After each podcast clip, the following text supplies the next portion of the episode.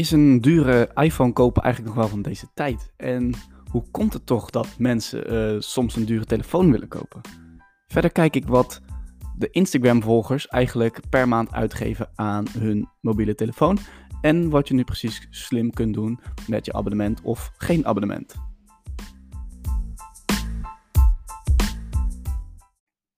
Welkom, leuk dat je luistert naar een nieuwe aflevering van de Spaarpodcast.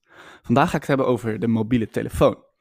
En ja, ik, ik vind het gewoon heel intrigerend. Ehm, en ten eerste de vraag: kopen mensen tegenwoordig eigenlijk nog wel zo'n dure telefoon? Ik heb net even zitten googlen. Er staan dus telefoons online van 2000 euro. Dan kom je, moet je denken aan een Samsung Galaxy Z Fold, zo'n vouwbare telefoon. Maar ook de, de, de, nieuwe iPhones natuurlijk nog steeds voor 1500 euro.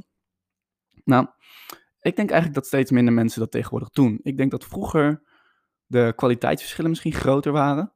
En dat we tegenwoordig veel meer mensen zien die een beetje ehm, ja, de prijs-kwaliteit in gedachten houden. Dus wel bepaalde functionaliteiten willen, maar toch zeker geen telefoon van 1500 euro gaan kopen. Dat heb ik op op de proef genomen uh, op Instagram. Dus ik heb gevraagd van hoeveel geef jij nu per maand uit aan je telefoon? Ervan uitgaande dat je dan bij zo'n dure telefoon een abonnement hebt. Want als je die dure telefoon los hebt gekocht, kan ik dat even niet weten.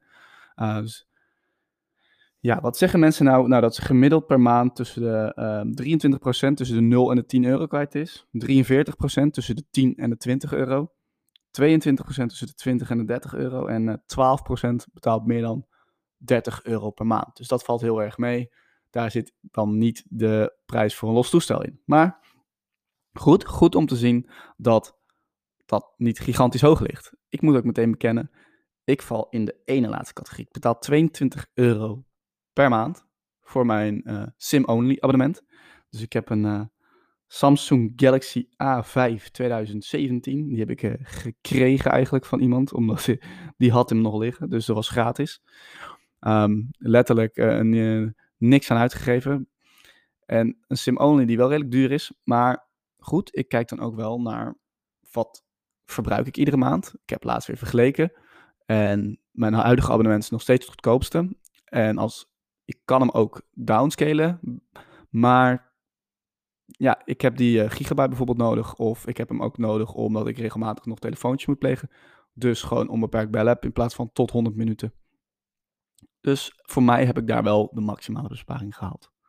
Maar goed, uh, ik denk dat uh, tussen de 10 en de 20 euro zeker goed haalbaar is voor de gemiddelde Nederlander.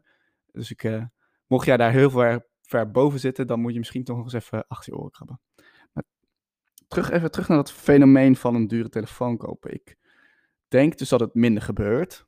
Maar als het gebeurt, hoe komt dat dan? Ik, ik vind het eigenlijk wel interessant om te weten. Nou, kun je natuurlijk zeggen, ja, omdat ik het kan, hè, omdat ik gewoon geld heb. Nou ja, oké, fair enough, als jij dat wil. Nou, dan heb je een stukje mensen die het als status zien. Hè, dus uh, um, ja, een dure telefoon, dan, uh, dan, dan liggen ze goed misschien bij andere mensen. Uh, dan heb je de taggies, de mensen die het gewoon heel erg interessant vinden om nieuwe functionaliteiten uit te proberen. Dus die eigenlijk een beetje de voorlopers zijn. Je hebt wat mensen die ja, een beetje de de, de ontdekkingsreizigers. Dus die denken van, goh, zo'n vouwbare telefoon.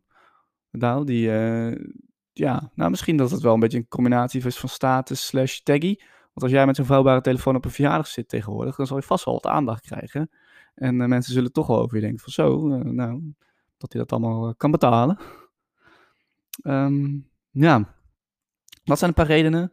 Misschien sociale angst zelfs wel, van joh, uh, iedereen om mij heen heeft een dure telefoon, dus uh, ik moet die dan ook maar hebben.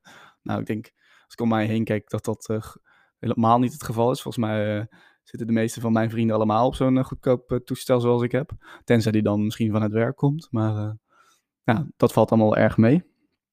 Dus dat is ook nog zo'n signaal dat ik denk van, nou, misschien dat echt wel tegenwoordig minder mensen zo'n duur toestel kopen.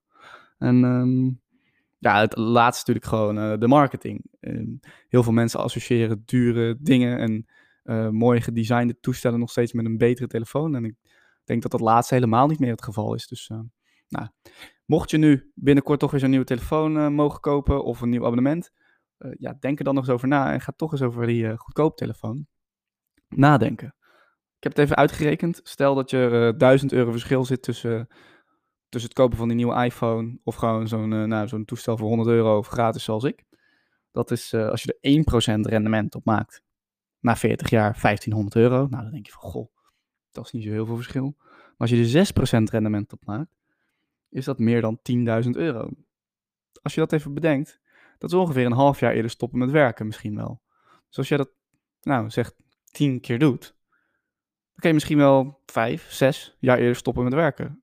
Besef je dat even, dat, dat effect van samengestelde interest, je kunt het ook berekenen op de website, maar dat effect van samengestelde interest is gigantisch.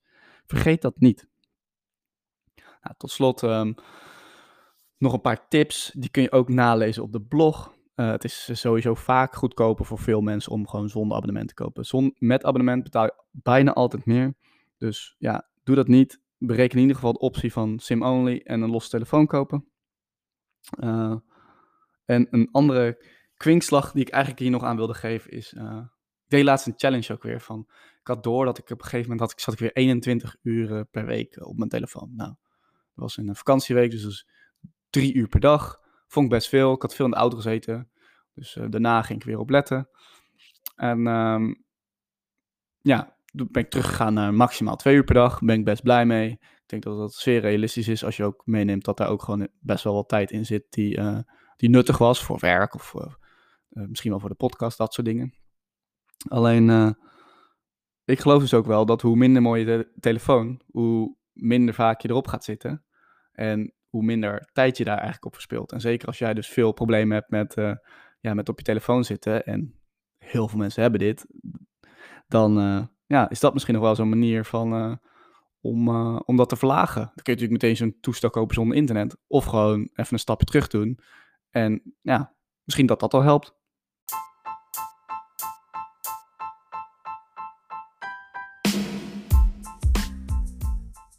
Ja, ja, ja, dat was hem alweer.